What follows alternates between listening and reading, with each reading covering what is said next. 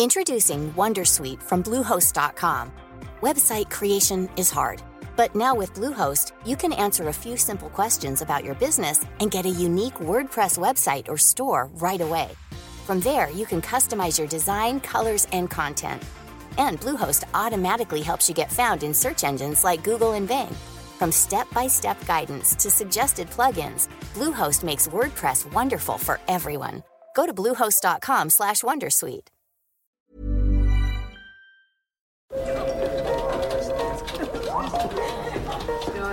Dette er lyden av norsk næringsliv.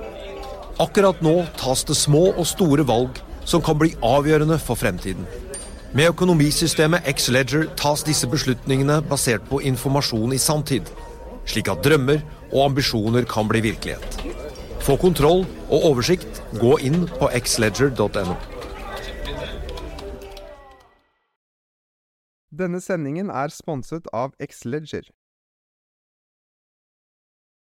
Hei, mitt navn er Marius Lorentzen, og velkommen til denne helgeepisoden av Økonominyhetene, der vi presenterer et utvalgt intervju fra uken som har gått. Hverdagene kan jo være hektiske, og det er ikke lett å få med seg alt som skjer.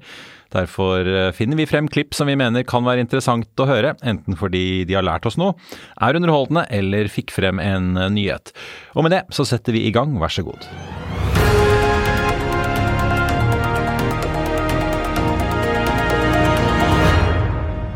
Da skal vi snakke om eh, shipping, for etter en veldig god periode så har ikke året i år vært fantastisk. Ja, Det sa i hvert fall dagens gjest da han sto på podiet på Pareto-konferansen tidligere i høst og presenterte selskapet han er styreleder for, nemlig 2020 Bulkers. Velkommen til oss, eh, Magnus Halvorsen, og god morgen. Tusen takk. God morgen til dere òg. Kanskje vi skal begynne med det. Analytikerstanden som dekker shipping, er ganske åpne på at de som kollegie er veldig i tvil om hvor tørrlast eh, skal.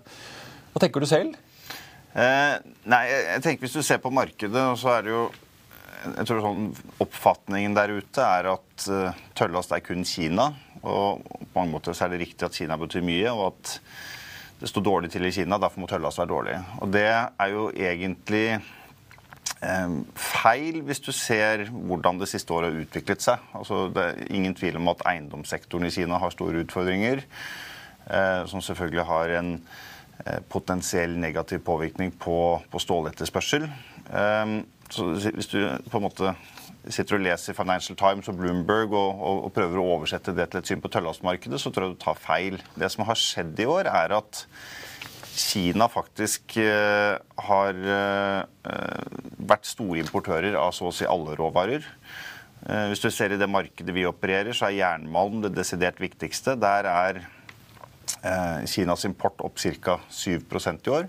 og Allikevel så faller lagrene deres. Jernmalmlagrene er nå på det laveste nivået man har sett siden 2016. Eh, og også sesongmessig så er man langt nedenfor de nivåene man, man har sett eh, på, på, samme tiden de siste årene. Så sånn alt i alt så har faktisk etterspørselssiden i vårt marked vært veldig bra i år. Den har vokst med nesten 4 Eh, det har heller ikke kommet så mange skip, og det kommer jo enda færre til levering i de, i de neste årene. Så da kan man spørre hvorfor har ikke markedet vært bedre? Uh, og, og, markedet har jo vært greit. Vi har jo tjent penger. Og, og nå de siste par ukene så har det jo strammet seg ganske voldsomt til. Så i dag ligger vi og tjener over 40 000 på, på båtene våre. Så, og du trenger vel 16 16 ja, vi, vi har en cash break-even på 16 400, ja. ja. Eh, det som har skjedd, og det, dette går egentlig helt tilbake til covid, så ble det bygget opp ganske store ineffektiviteter i flåten. Eh, og det er mange måter å måle det på. En, en serie vi liker å se på, er eh, hvor stor andel av Capesize-flåten ligger i havn til enhver tid. Og så vil du si at det ligger og svinger i et sånt bånd. Og under covid så gikk det i all time high, så jeg tror vi, toppet ut i mai Eh, I fjor faktisk, da var det 34% av alle Cape Size lå på én dag i, i, havn. Det vil alltid være, eh, være mange som ligger, fordi du laster og losser. Og plutselig så gikk proppen ut. Eh, og det gjorde jo egentlig at man kom fra en ganske bra start på fjoråret. Så skulle man inn i det som sesongmessig normalt er sterkere, fordi det går større volumer. Men man ble møtt med en, en vegg av skip som, som rett og slett uh, kom ut i markedet fordi operasjonen ble mer normalisert. Og Så stabiliserte det seg, og så har vi egentlig hatt i år sånn fra ja, sent våres gjennom sommeren så, så hadde vi runde to hvor kan si, proppen gikk ut igjen. Det som er interessant nå, er at nå er vi nede på Vi er oppe på effektivitetsnivåer som, som ligner det vi, vi, så på det beste altså helt tilbake til 2016. Så det som var en litt sånn kunstig stramhet i markedet, og som hjalp markedet vårt i, i 2021, og som egentlig har gått ut da i to omganger i, i 2022 og i år, eh, det, det, er nå tatt ut av markedet. Så, så, den risikoen nå ligger jo igjen på oppsiden. Men det er klart det tilsvarer jo, når du får en sånn effektivitetsforbedring som vi har sett, så tilsvarer det, ut fra hva vi regner på, i perioder at man hadde en effektiv flåtevekst på nesten 10 så, så for å gjøre det litt enkelt Bare ved at folk uh, gir mer gass, rett og slett? Og seiler Nei, det raskere? Er det, det, det, er egentlig at uh, Hvis du ser på havnene, at ventetidene går ned. Uh, at båtene kommer inn og, og losser raskere. men dette er litt et sånn trekkspill. ikke sant? Det er og det, det, tror jeg er for veldig mye av shipping. Og så, så, skal man være såpass ydmyk og si at mange av de beste markedene, kanskje de fleste av de beste markedene, kommer av ting man ikke kunne forutse. Selvfølgelig må tilbud og etterspørsel se fornuftig ut, og det, det gjør det på alle måter i tørrlast nå. Vi har liksom en etterspørselsvekst som er på linje med, med, med historisk vekst på 3-4 og ja, Neste år er det vel 1,8 brutto tilvekst i Capesize-markedet før skraping.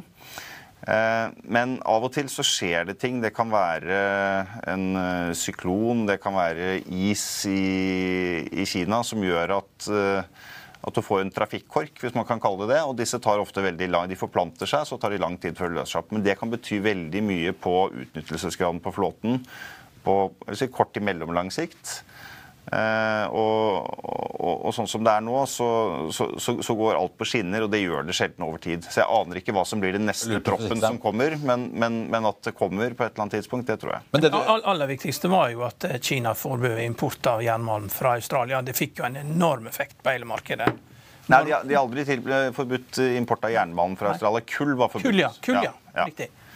Eh, jernmalmen trenger de ja. i aller høyeste grad. Men, men de har jo åpnet opp igjen for, eh, for import fra Australia. Hvor, hvor, mye hadde det å si uh, at de forbød det? det? Det, var det Handysize som fikk det, da? Det det? Nei, da gikk det i større grad særlig på Panamax fra Indonesia. Ok. Ja. Så, så, du kan si kull har vært ganske nøytralt for vårt marked i år. Hvis du, hvis du vil se på hva som har drevet markedet vårt, så har jernmalm vært positivt. Og så er det bauksitt fra Vest-Afrika som har blitt en stor trade. Um, og det, det, var 5% av markedet for noen år siden, nå er det 10% Og det er jo det er jo veldig lange distanser, så bruker kanskje 110 dager på en rundreise. Så hvert tonn som kommer ut i Vest-Afrika bauksitt, har en veldig positiv påvirkning på markedet vårt. Men det du sier da, er at mange egentlig da undervurderer det som egentlig skjer i Kina? da? Vi hører også veldig mange nevne at man skal ikke glemme India oppi dette og appetitten de har for alle mulige innsatsfaktorer. Ja, Nei, nei, Nummer én, Kina har ikke vært problemet i vårt marked i år. i den grad det har vært et problem. Kina har hatt høy import, og de har trukket på lagrene, så det ser egentlig ganske bra ut fremover. Ehm, det som har plaget markedet vårt, har vært at, at flåteeffektiviteten har normalisert seg. Men nå er den mer effektiv enn normal, så jeg tror risikoen der nå ligger på oppsiden for rater. Eh, India eh, ser veldig sterkt ut om dagen, egentlig. De har jo ganske store ressurser av jernmalm selv. Så man snakker om at, om at India kan bli en, eh, en, nettoimportør over de neste årene. Eh, jeg er ikke overbevist om at de vil bli en stor nettoimportør, men på marginen kan det slå positivt. Det som er litt interessant, det er på kull, hvor er en, nei, India er en storforbruker. og eh, de har hatt en veldig tørr monsunsesong i år, som gjør at de har produsert lite vannkraft. Så har kraft forbruket vært høyt, så de er nå nede på syv dagers forbruk på sine kullager. Og de ligger normalt på den tiden av året på rundt 19 dager. Eh, så det, det, tegner jo vel for, for, eh, for, for, behovet for kullimport. Og Du får vel kanskje litt strukturell hjelp av at eh, mye LNG som har gått til Pakistan og India, går til Europa i stedet? For Europa må erstatte russisk gass, og så forflytter alt seg, så de trenger mer kull? Ja, altså, klart, Kineserne er jo vanvittig flinke tradere og har på mange måter vært, vært vinnerne de siste årene. De har jo som du sier, hatt eh, store gasskontrakter, men med fleksibilitet på, destinasjonene. Så de har sendt det til det europeiske markedet, som har betalt godt.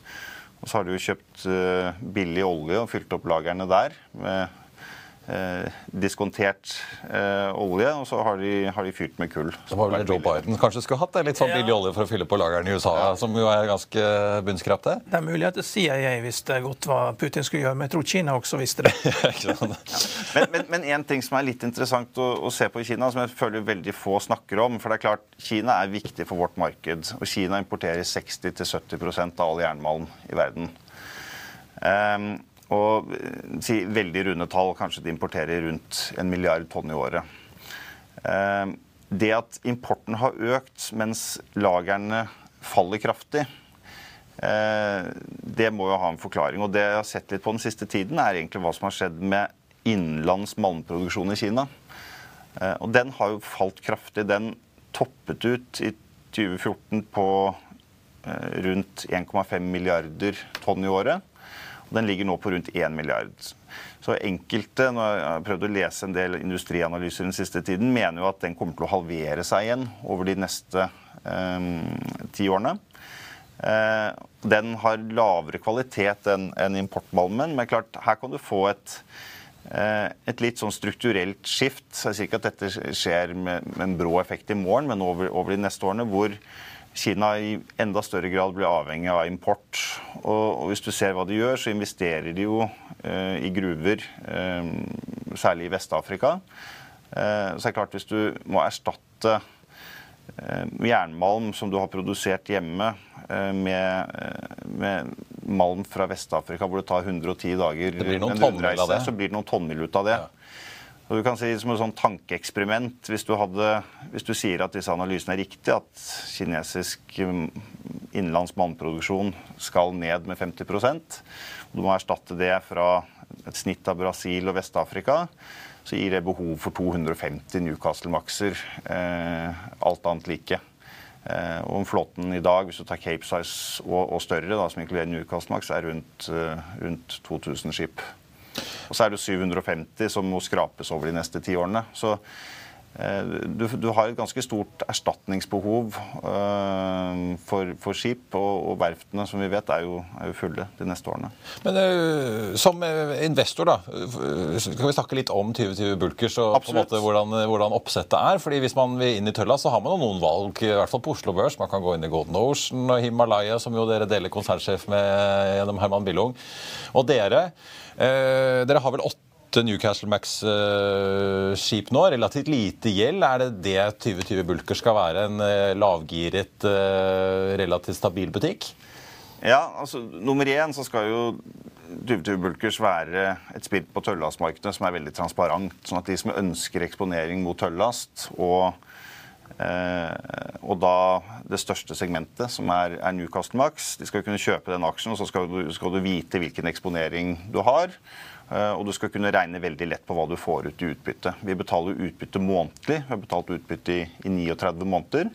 Og for de som har vært med, nå er ikke selskapet så gammelt, men nå har vi flåten fire år i snitt. Vi har allerede betalt tilbake 80% av den egenkapitalen som er skutt inn. Så det har jo sånn, sånn sett vært en modell som har fungert. Eh, vi har relativt moderat gjeld, føler jeg. Snitt nettogjeld på rundt 24 millioner dollar per båt. Og så er vel disse båtene sånn, hvis du ser på meglerverdier, verdt pluss-minus 55 millioner dollar i dag. Eh, det gir en fornuftig cash break-even, som du var inne på, med 16 004 per dag. Eh, så slutter vi ut disse båtene på såkalte indekskontrakter. Og det vil si at Capesize-indeksen som publiseres hver dag, den raten får vi med en premie som reflekterer at våre båter er større og bruker mindre drivstoff ja. enn en gjennomsnitts Cape Size. Den premien ligger på rett under 40 i dag i snitt på flåten. Så får vi i tillegg en premie for, for skrubber som ligger med dagens uh, drivstoffpriser rundt 3000 dollar dagen. Så hvis du, du, er investor og lurer på hva tjener 2020 i dag, med mindre vi har sagt at den og den båten er sluttet på fast kontrakt, så kan du egentlig ta Capesize-raten du, du, leser, så gange med ja, et, Vi sier ikke nøyaktig, men et sted rett under uh, 140 ja. Og så kan du legge på 3000. Da vet du hva topplinjen er. Det som er fint med disse indekskontraktene, er jo at vi får med oss hver dag Dette er et marked som svinger mye, så det er ikke noe risiko for at vi, vi slutter ut en, en 100 dagers reise til Brasil, og så går markedet i to måneder og kommer ned igjen, og så mistet du hele den oppgangen. Vi får snittet. Eh, så har vi også mulighet, hvis vi ønsker, til å konvertere det er vår opsjon, disse kontraktene til fast rate. Ja, for du har, to, er du to skip, så vidt jeg kunne se nå, på faste kontrakter? Nei, nå, akkurat nå er alle åpne. Ja, ok, Du hadde det, ja. ja. Så vi hadde det frem til eh, utgangen av september. Eh, og, det var vel i septemberrapporten jeg leste som akkurat kom, at dere hadde det, ja. Mm. ja så, og, og, alt som er da Alt vi sitter igjen med mellom inntekter og de 16.004 vi trenger for å betjene GNA OPEX, renter og avdrag, de betaler vi ut til aksjonærene. Og, og, det du ser da, er at vi trenger et Cape Size-marked. Hvis du hensyntar denne premien, så hvis Cape Size-markedet er ca. 10 000 eller bedre, så har vi fri kontantstrøm som vi kan betale ut. Um, og, og, det er klart, Nå har vi et ganske positivt syn på markedet, så vi, vi har ikke låst noen kontrakter. Og vi syns egentlig ikke Av og til så vurderer man om man skal og man skal ta sikring hvis du vil inn i første kvartal, som, som sesongmessig er det svakeste. Eh, de FFA-ratene eh, som, som, som, handles nå for første kvartal, eh, er såpass lave for en standard Cape Size rundt 9500. Hvis du ser i forhold til historien, så er det kanskje et par tusen ned, og så er det fint 50-100% opp, i hvert fall i forhold til hva man har sett de siste årene. Så det, det virker ikke som noe god risk-reward, så vi sitter foreløpig helt åpne. Hva skal til da, hvis du har jo åtte skip nå, da?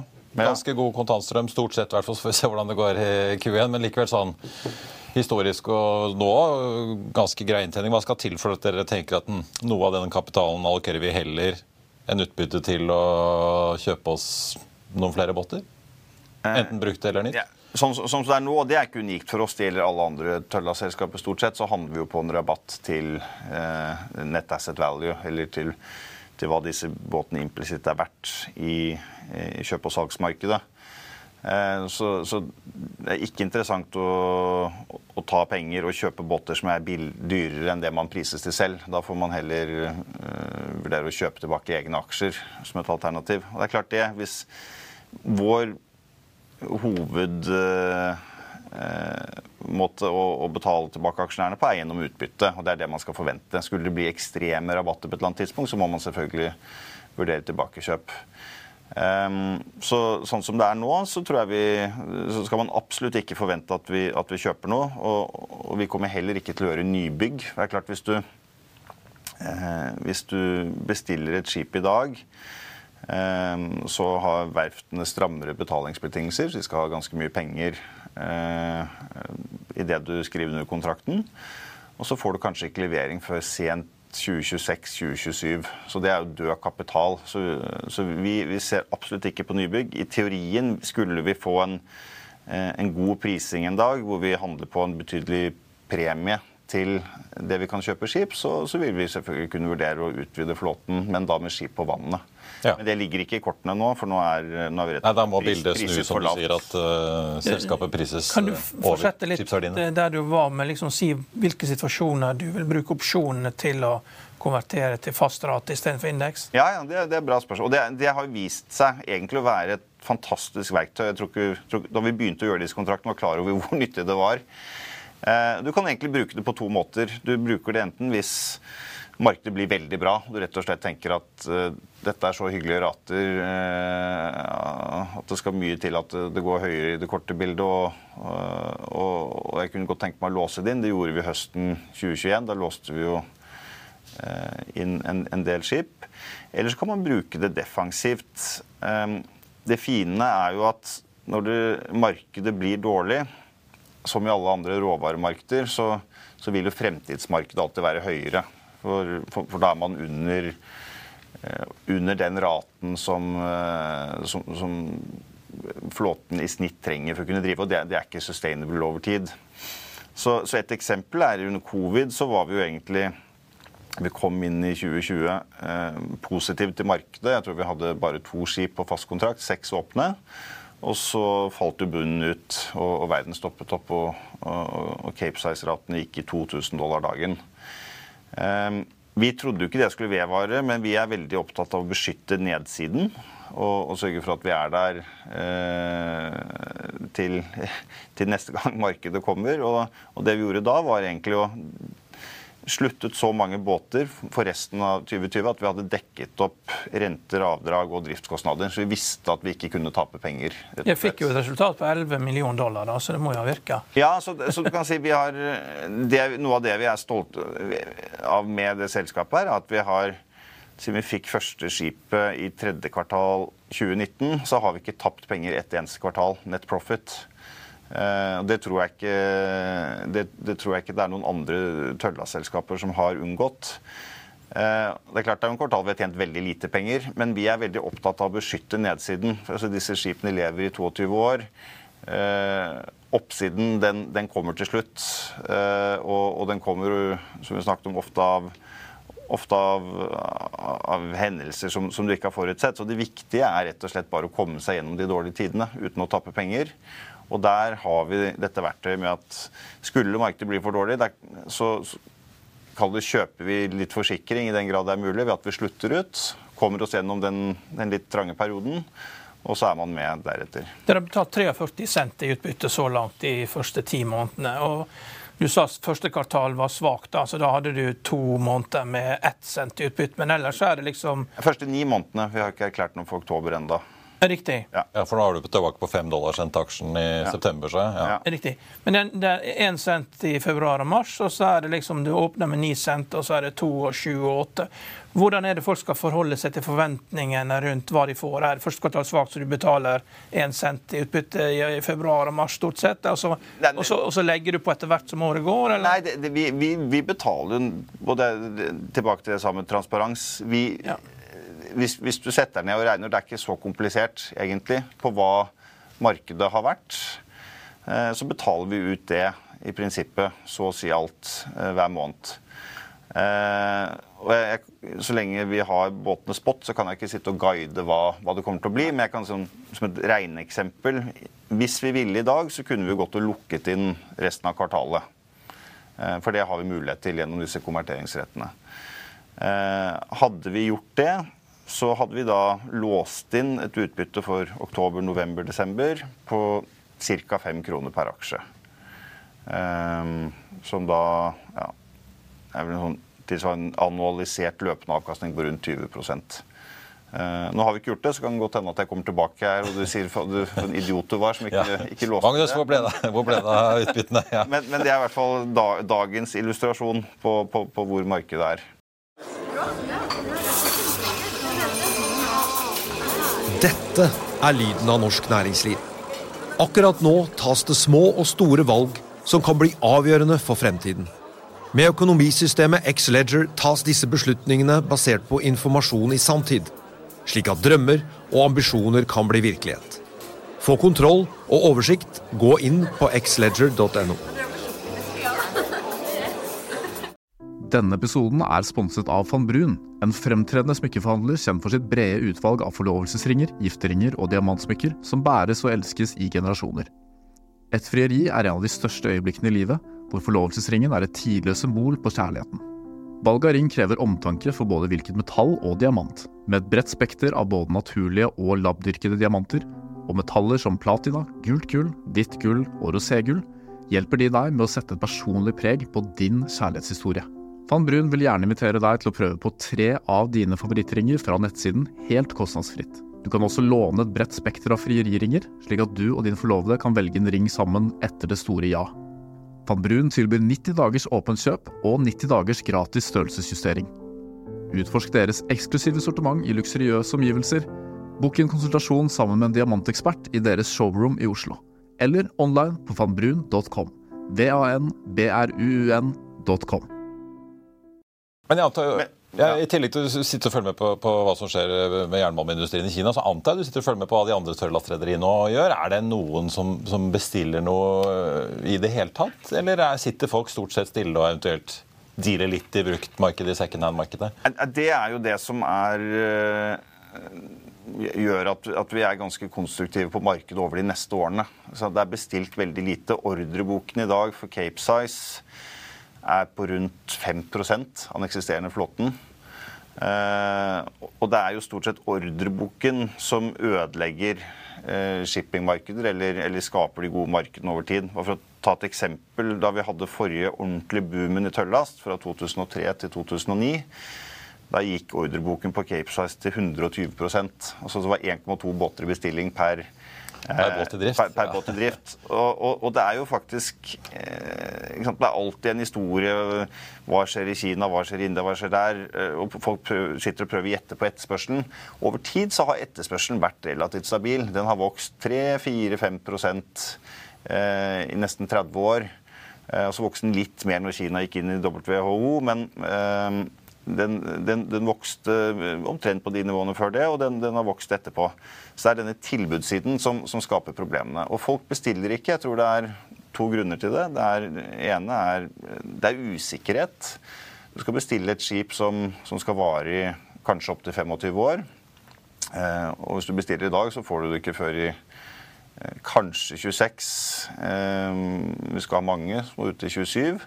Da har du fått over 2050 levetid. Altså. Ganske ja. sikker på at du bestiller riktig drivstoffteknologi. Eh, med tanke på de ambisjonene industrien har på å dekarbonisere. Eh, og så er jo nybyggprisene eh, i dag såpass høye. Jeg tror skulle du bestilt en av våre båter i dag for levering som er til 26-27, begynner det å nærme seg 70 millioner dollar. Da er det jo mer attraktivt å kjøpe båter i, eh, i annonsmarkedet. Prøve å, å kjøpe, 55, eller, ja. kjøpe en relativt Hva var toppraten på Cape Size i 2007-2008? Eh, det var vel rundt 180 000 dollar dagen, hvis jeg ikke tar helt feil. Så det er jo nesten endeløst for bladet. Det var vel, det var vel sånn at eh, frakten kosta like mye som lasten. Og da, da, bruker det å stoppe opp når de sitter og regner og ser at oi. ja, nei, da, da var frakten Men det er jo absolutt ikke noe problematikk nei, i dag. I nei. dag er jo jernmalmprisene 110 dollar per tonn. Ja. Eh, og det koster eh, ca. 11 dollar å frakte et tonn fra ja. Australia til Kina. Eh, så kan du snu litt på det. Altså, Blir markedet stramt så kan, de, så kan de fint betale fem dollar ekstra uten ja. at det ødelegger for noen. Ja. Uh, og da, da, snakker vi rater på en vanlig Cape Size uh, ja, på rundt 50 pluss 1000 dollar dagen. Da tjener vi 70-75. Så da Shipping er billig. Det er billig å frakte ting med båt. Ja. Men, men, men bare, bare, for, bare, for, å avslutte litt på det, så det, det, det, som vi ikke har sett før, er denne lave ordreboken. Mm. Uh, og, og, vi har jo fått litt hjelp, uh, egentlig både i tankmarkedet og bulkmarkedet, fra alle de bestillingene som har skjedd på container og LNG. Altså Under covid, som du husker, så, så gikk jo konteinerraten i taket, og, og det ble bygget opp en massiv ordrebok der. Eh, det er jo en kjempeordrebok på LNG-skip. Ca. 50 av flåten. Ja, Den er jo så stor at Equinor får ikke bygget Wisting-feltet ja. sitt fordi eh, verftene i Korea er fulle. Ja. Så, så, så, så, de har jo fylt opp eh, ordrebøkene med det, og de vil jo heller bygge disse mer avanserte skipene, for de har bedre marginer på de. Så ordreboken altså Nå skal det leveres færre båter neste år enn det var i, var i fjor. Færre året etter. Eh, og det begynner å bli ganske langt ut før du kan få, få nye skip. Men bare for å runde på shipping, da, Du nevnte jo at verftene skal ha mer i forskudd. Det koster jo selvfølgelig mer i dagens marked med høyere renter. Og, men litt apropos det, da, hvordan tenker dere rundt far, på etterspørselssiden faren for en resesjon her når vi har så høye renter som vi har? og sentralbankene skviser og skviser og skviser. Eh, så har jo Kina ja Det har jo ikke vært noen fest her, men det virker jo som det går helt OK. Men, men er det sånn at dere forbereder dere på at uh, man kan få en nedkjøling som kan presse ned etterspørselssiden? Nei, det, det er ikke noe tvil om at, om at en resesjon ikke er bra for, for, handel. Men jeg tror litt tilbake til det. Når vi ser på hva som faktisk skjer i Kina, og det, det er en relativt høy import, men de har trukket kraftig på lagrene. Eh, og eh, jernmalm er vel en av de råvarene som, eh, som de ikke har, har, bygget noe særlig lager på. Og det kanskje har å gjøre med at prisene har vært høye. Eh, så skulle man få en korreksjon i jernbanepriser, så tror jeg ikke det nødvendigvis hadde vært negativt for, eh, for malmetterspørselen eh, inn til Kina. Vi, når du spør forbered deg, vi kan, vi kan bare si, kontrollere de tingene vi kan kontrollere. Og, og, kanskje den viktigste avgjørelsen den er når du setter opp selskapet og bestemmer hvilken finansieringsstruktur du skal ha, og, og hvilken cash break-even du får. for det er jo det som gjør om, om du tåler dårlige markeder eller ikke. Eh, og vi, vi har en fornuftig lav cash break-even, syns vi. Og så har vi jo da dette verktøyet som vi snakket om. Skulle markedet bli ordentlig dårlig eh, på et eller annet tidspunkt, eh, som vi definitivt ikke planlegger for nå, for nå har vi alle båtene åpne, så, så kan vi ta dekning og komme oss gjennom den perioden. Eh, og Det er fordelen med å, med å, ha en relativt liten flåte, at vi kan jo snu oss rundt og gjøre dette på en dag hvis vi skulle ønske det. Motsetning til noen andre. Ja. Eh, litt kort til slutt. Mange som følger med på hva du gjør, ser at du er jo også en investor som eh, holder på med mange egne investeringer. Jeg vet Du ikke har lyst til å gå inn i enkeltaksjer du sitter på, men likevel, folk har lest du har gjort en kule på PGS. Du følger jo veldig mye med på oljeservice spacet da, Magnus. Kan du ikke dele litt med oss hvordan du vurderer den sektoren nå? Nå har vi jo sett at oljeselskapene som investeringscase har vært eller gjort det godt. Har vært populære. Mange retter jo blikket mot service- og leverandørsjiktet eh, nå. Har gjort det en stund. Så ser vi konsolidering på seismikk. Er det noen segmenter der du tenker er, eh, hvor det fortsatt er noe å gå på, eller syns du at fortsatt alt er attraktivt, eller begynner å bli litt vel pri, høyt priset, eller hvordan? Nei, jeg, jeg tror jo sånn overordnet så er jo tematikken ganske lik i oljeservice i forhold til noe av det vi ser i shipping, med, eh, med en, en, en, veldig, veldig lav eh, tilbudsside. Eh, går du litt tilbake, så har det jo vært underinvestert i ikke bare olje og gass, men egentlig utvinning av hydrokarboner, kanskje siden 2014. Altså, verden var jo helt gal på, på et eller annet tidspunkt hvor det var ingenting annet enn ESG som gjaldt. og uh, Oljeselskapene satt og sa nei til prosjekter som, uh, som ga 25% IRR, og så gjorde de slåss de om renewable-prosjekter som kanskje ga en avkastning på 3% i best case, og nå er den avkastningen i mange tilfeller borte, for det har vært kostnadsinflasjon, og, og renten har gått. Så det har vært en, en helt ekstrem misallokering av, av kapital. Og, og, det som skjer nå, er jo at Eh, det ene er jo at, at, at, prisen har gått, men verden skjønner at man, man, man, er nødt til å investere i det som faktisk gir oss det meste av energien. Jeg, jeg er på ingen måte mot Jeg, jeg, jeg tror vi, vi, trenger fornybar energi, men man må være realistisk på hvor lang tid det tar. Eh, og, og selv om investeringene i, i oljeservice nå eh, har økt over de siste to årene, Eh, så syns jeg fortsatt bildet er veldig skjevt. Altså det skal vel investere ca. 2,8 trilliarder dollar i år. 1,7 av de går inn i renewable, og 1,1 går inn i hydrokarboner. Eh, hvis du ser på hvor vi får energi fra i dag, så er av verdens primære energibehov så dekkes eh, 7% av renewable eh, x eh, vannkraft. Det er opp fra 2,5% for, for ti år siden.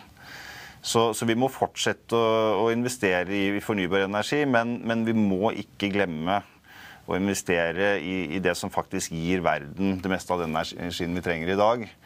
Eh, og det vil jo, vil jo oljeservicenæringen nyte godt av. Du kan nesten egentlig likt i alle segmenter, enten du ser på supply-båter, eller om du ser på jackup-rigger eller om du ser på subsea-skip. så så har man nå veldig fort gått tilbake til eh, mer eller mindre full utnyttelse. Det, ja, du nevnte jo tilbudssiden på shipping, hvor viktig den var. Ja, og, og, er, det noen, er, det noen, steder i oljeservice hvor du ser at tilbudssiden faktisk er høy, eller er det nei, stramt overalt? Det er, det, er, det er, jo på mange måter strammere.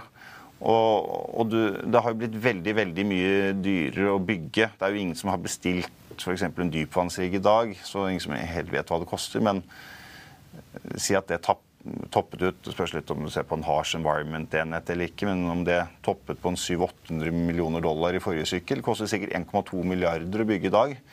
Og ratene er jo ikke i nærheten av å være på et nivå som, som forsvarer det. Eh, så der har du altså Det er vanskelig å snakke om shipping generelt, for som vi snakket om, så er noen sektorer begynner faktisk å bli ganske store ordrebok i. Hvis du tar tank og tøllast, hvor det er lav ordrebok, så er det kanskje enda mer ekstremt i mye av, av oljeservice. Så, så jeg, er, jeg, er, positiv til, til, til energisektoren og til oljeservice i årene fremover. Men så, så vil jo alltid dette gå litt i rykk og napp. Og nå skal vi sikkert inn i en periode hvor hvor særlig en del av ja, kanskje riggsektoren eh, får noen litt negative overraskelser på, på CapEx-siden, på, eh, på, oppgradering av, av, enheter. Du ser Det er kostnadsinflasjon etc. Så er det alltid sånn jeg vil ikke sitte og spå aksjer opp og ned, men det er, det er jo ikke sånn at ratene bare går og alt er bra i, i fem år, selv om du har en, en, en oppsykkel. Eh, men, men, at det er eh, et sted hvor du fortsatt kan kjøpe relativt billig eksponering. og og hvor mer av kapital må allokeres inn, det er jeg ganske sikker på. Magnus Halvorsen, eh, styreleder til vanlig i TV2 Bulkers, får jeg si, som også er oljeserviceinteressert. Tusen takk for at du kom til oss og delte eh, litt, eller mye av mange av taktene, får vi si. Det blir veldig spennende å følge fremover. Og det var det vi hadde for deg i denne omgang. Du finner flere klipp inne på f1.no-tv, eller ved å søke opp Økonominyhetene hos Apple, Spotify eller der du måtte høre på podkast. Mitt navn er eh, Marius Lorentzen, og vi er tilbake igjen eh, på mandag med Børsmorgen og Økonominyhetene. I mellomtiden så ønsker jeg og alle vi her i Hegna Media deg en riktig god helg. Takk for nå. Denne sendingen er sponset av X-Leger. Botox Cosmetic, out of botulinum toxin A, FDA approved for over 20 years. So, talk to your specialist to see if Botox Cosmetic is right for you. For full prescribing information, including boxed warning, visit BotoxCosmetic.com or call 877-351-0300. Remember to ask for Botox Cosmetic by name. To see for yourself and learn more, visit BotoxCosmetic.com. That's BotoxCosmetic.com.